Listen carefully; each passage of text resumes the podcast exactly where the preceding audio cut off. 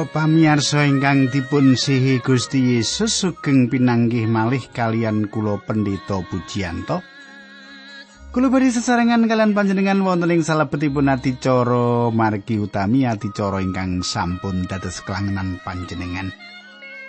Kados pundi pawartos panjenengan katang kula menapa panjenengan dipun berkahi Gusti ing wanci menika pandonga kula kados mangkaten panjenengan tansah binerkahan dening Gusti ingkang murping jagat.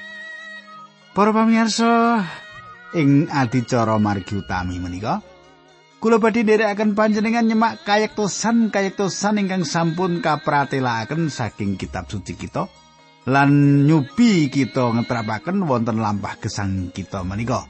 Awit saking menika monggo nyaket kalian kula mriki sugeng midhangetaken adicara menika.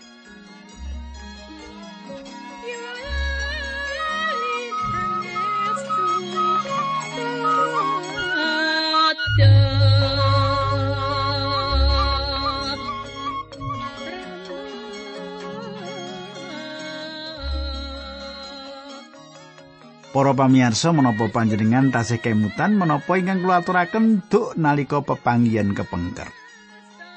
Ing pepanggihan kepengker kadang kula kula ringkes kemawon kita sampun nyemak Paulus nyetakaken bilih wontening neningkahan tiang pitados utawi anggenipun bangun bale somah tiang pitados. Pramila Gusti Allah tasih kedah dados ingkang utami wonten ing gesangipun. Wong percaya sinajan ana nikahan Gusti Allah kudu kang dadi utama. Makaten nggih. Nah, sadèrèngipun kita lajengaken monggo kita tumungkul kita ndedonga langkung rumiyin. Duh Kanjeng Rama ingkang adhedhampar wonten kraton ing kasuwargan kawula ngaturaken gunging panuwun menawi wekdal menika kawula saged tetunggilan kalian sederek-sederek kawula ingkang setya tuhu midhangetaken adicara menika. Berkahi Gusti lan nyuwun tulung supados Sang Roh Suci piyambak ingkang badhe nyetakaken wonten ing telenging manah kula piyambak-piyambak. Dinambaran asmanipun Gusti Yesus Kristus kawula ndedonga haleluya. Amin.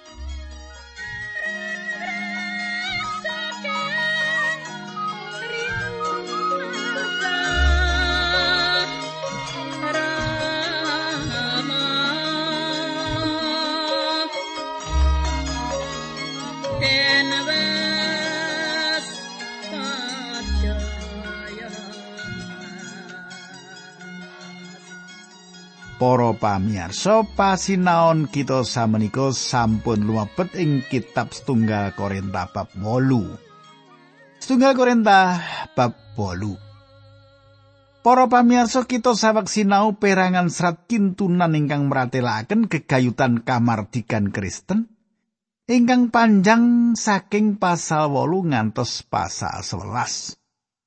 Kegayutan kamardikan Kristen ingkang panjang inggih menika saking pasal 8 ngantos pasal 11. Menapa ingkang dipun pratilaken menika nyakep sawetawis pokok gegayutan kalian kamardikan Kristen menika. Pasal 8 meratilaken babagan menapa kepareng tiang Kristen nedha daging utawi mboten ugi kamardikan sanes ingkang dados darbeipun tiang Kristen secara mligi kita perlu mangertos tujuan serat dumateng pesaman ing Korintus menika kenging menapa Paulus mestani pesaman Korintus menika asipat kadonyan mestani bayi-bayi ing salebetipun Sang Kristus.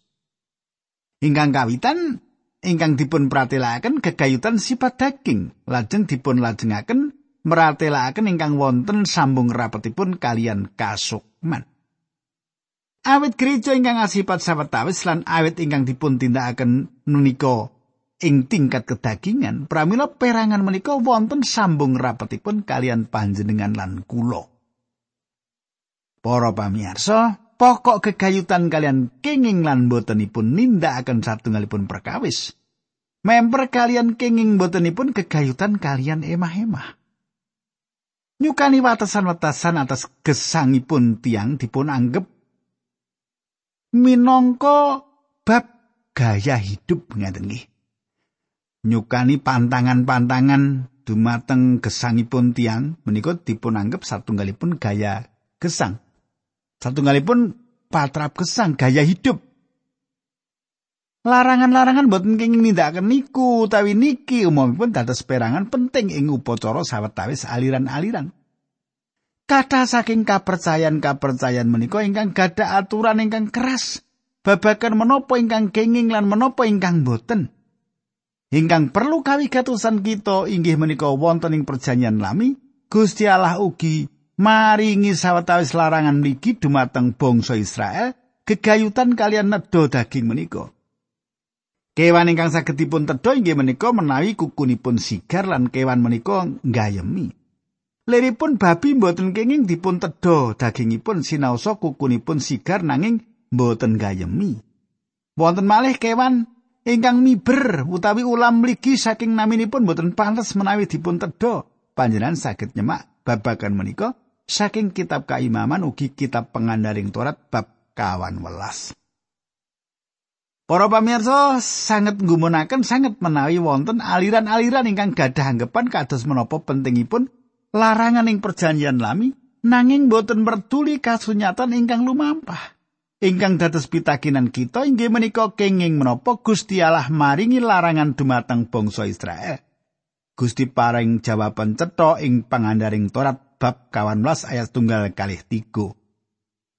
Kowe kuwi umate pangeran Allahmu mulane yen kowe kepaten ora kena natoni kulitmu utawa nyukur sirahmu sing ngarep kaya carane bangsa-bangsa liyane. Kowe kuwi umat kagungane pangeran Allahmu saka ing antarane bangsa-bangsa ing bumi kabeh. Kowe sing dipilih dening Allah dadi umat kagungane. Kewan sing dianggep karam dening Allah ora kena kok pangan. Para pamirsa kula ugi pitados bilih larangan nedha satunggalipun tetedan menika kalanipun penting kangge kesehatan. Gusti Allah maringi tetedan ingkang sae kangge bangsa Israel. Malah dokter-dokter zaman samenika netepaken larangan nedha sawetawis tetedan. Kitab suci sampun maringi tedha lan meratelaken mligi kegayutan sawetawis tetedan ingkang boten kenging dipun tedha. Upaminipun Gusti Allah paring pangipat-ipat dumateng patrap mendem-mendeman. Mboten wonten alasan utawi pitakenan babagan menika pripun kemawon kedah kita akani bilih wonten perangan ingkang kita mboten cetha. Bab-bab ingkang andadosaken mangu-mangu.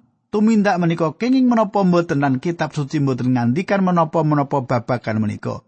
Saged kawastanan perkawis menika mboten ketinggal cemeng nanging ugi mboten ketinggal putih. Kitab suci mboten nyukani kita pitedah ingkang mligi, ingkang gumathok upaminipun menapa kenging tiang Kristen menika ngerokok nggih. Terus pundi? Panjenengan ngerokok ora panjenengan iki? Nggih. Nggih, Pak. Penting ora kanggo awak vitamine apa kira-kira nek ngerokok? Nggih ta? Pitakan kula ngoten nggih ta? Wah, namung anu kok, Pak. Niku namung iseng, nek iseng kok pendak dino. gitu. Wah, menawi mboten ngerokok niku ora kepenak gitu. Ora kepenak apane? Nyandu to. Kita kali ra ngoten kita. Nah, para pamirsa, ing satunggalipun papan wonten golongan masyarakat ingkang gadah anggapan bilih adus sarang-sarang menika satunggalipun patrap ingkang klintu. Nanging menawi ngrokok menika satunggalipun patrap ingkang sah-sah kemawon. Wonten malih ing papan sanes tiang jalalan tiang istri saged langen sesarengan tanpa raos getun nanging tumrap ngrokok menika sanes satunggalipun patrap ingkang lepat. Ngrokok ora keliru. Ing mriki kita saged ningali bilih saben aliran kekristenan gadah aturan ingkang benten. Aturan-aturan ingkang kados makaten menika saged sae nanging ugi saged mboten sae. Kula mboten badhe debatan wonten ing perkawis menika. Nanging tumrap panjenengan panjenengan ketah mangertos watonan ageng ingkang dipun pratilaken Paulus wonten ing serat menika. Para pamirsa, Wonten ingkang perlu dipun timbang sanesipun inggih menika pangertosan atas kita Korintus ing jaman Paulus menika. Menawi panjenengan boten mangertos kahanan kita Korintus ing jaman Paulus, pramila panjenengan badhe boten saged nyakep saripadinipun pasal menika. Ingkang dipun kajengaken inggih menika papan nedha ingkang sae piyambak ing kita Korintus sanes kok restoran ingkang megah. Nah inggih menika papan ingkang sae piyambak supados pikantuk daging ingkang enak piyambak lan daging ingkang eco piyambak menika namung wonten ing toko daging ingkang dipun sate ing kuil papan manembah Brahala. Ing Korintus kata tiang ingkang beto korban kewan kangge dipun pisungcungaken dateng Brahala. Tiang-tiang menika badhe mbeta kewan ingkang sae piyambak ingkang dados gadahanipun. Lajeng daging kewan menika dipun pisungsungaken dumateng brahala. Nanging daging menika mboten dangu wonten ing mriku. Kenging menapa? Awit kapercayan tiang-tiang menika gadah anggepan bilih roh kewan menika sampun dipun tedha dening roh brahala. Roh brahala menika nedha telas roh kewan menika. Lajeng tiang-tiang menika badhe mbeta daging menika dhateng pasar daging sakiwa tengenipun kuil menika. Menawi panjenengan badhe tumbas daging tipis, daging ingkang sae utawi daging panggang ingkang sae piyambak ing Korintus, panjenengan namung dhateng kemawon salah setunggal toko ing kuil menika supados pikantuk daging ingkang sae. Nanging sampun dipun pisungsungaken dhateng Brahala. Para pamirsa, saperangan Tiang Kristen ing Korintus rumaos mboten sekeca wontenipun daging ingkang sampun kapisungsungaken dumateng brahala menika. Inggih awit saking menika pesaman Korintus nangkretaken dumateng Paulus. Kados pundi kegayutan kalian daging ingkang sampun dipun pisungsungaken dumateng brahala menika tumrapipun tiang Kristen. Menapa kenging tiang Kristen nedha daging ingkang sampun dipun pisungsungaken dhateng brahala? Lelampahan ingkang dumados menika dados perkawis ageng. Tumrapipun tiang Kristen ing Korintus. Awit kata ing antawisipun tiang Kristen ing Korintus menika asal usulipun saking tiang-tiang ingkang manembah brahala. Menawi tiang Kristen ngantos nedha daging menika ateges tiang menika sampun nderek manembah brahala, makaten pikiran saperangan tiang Kristen ing Korintus, tiang-tiang Korintus ingkang tetes warga gereja gadah pikiran patrap nedha daging ingkang sampun dipun pisungsungaken dhateng brahala menika mboten wonten bedanipun ateges ugi nderek manembah brahala. Monggo kita semak Paulus ing salebetipun nyukani keterangan perkawis ingkang dumados sing Korintus. Samenika bab 8 ayat setunggal ngantos kali setunggal Korintus bab 8 ayat setunggal ngantos kali Bab mangen sesajening brahala pancen bener kaya kandhane wong-wong yen kita wis padha duwe pangerti. Nanging kawruh sing mengkono mau marakake wong dadi gumunggung awet sing bangun kuwi mung katresnan. Wong sing rumangsane ngerti samu barang kuwi satemene kawruhe durung pojo-pojo para pamiyarsa kawruh menika medal lajeng ical.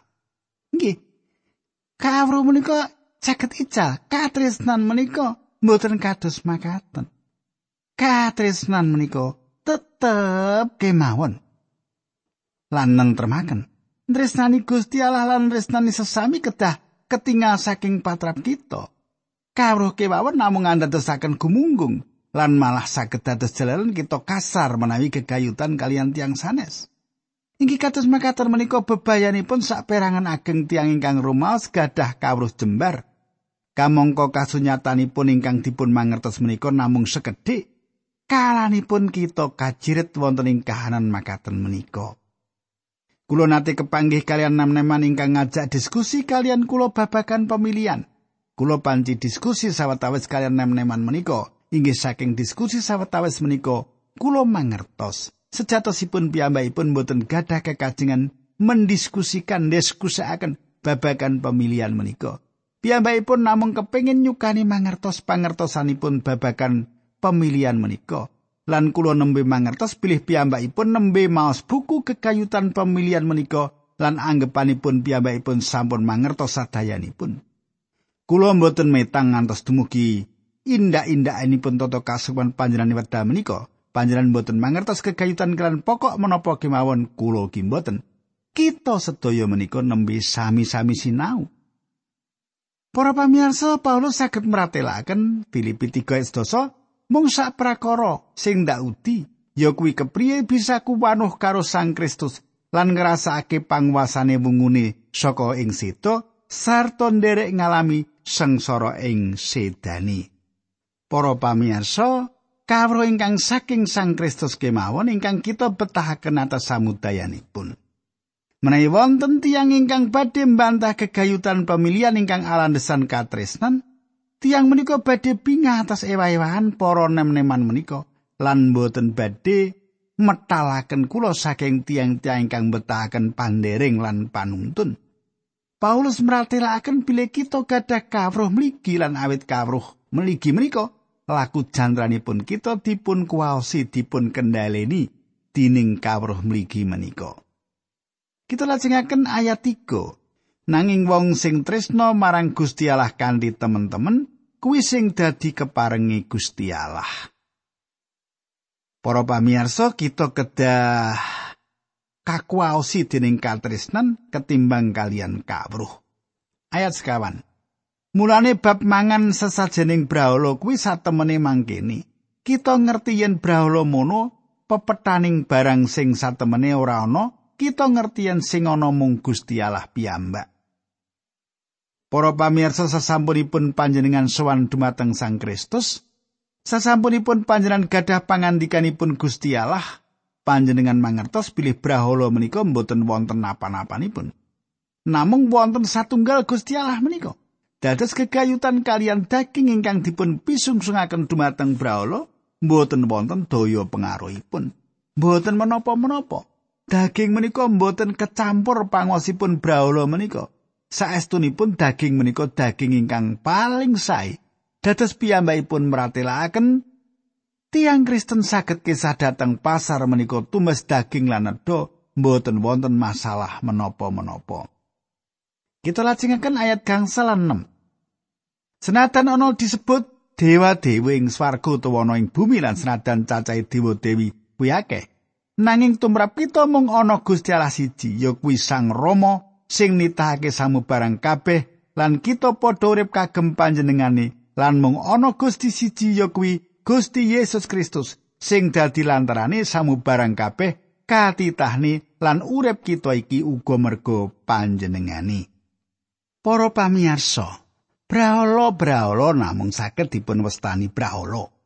Kula gadah bayangan sedaya kurban ingkang sampun dipun pisungsungaken ing reca Apollo ing mriki, mboten wonten tegesipun.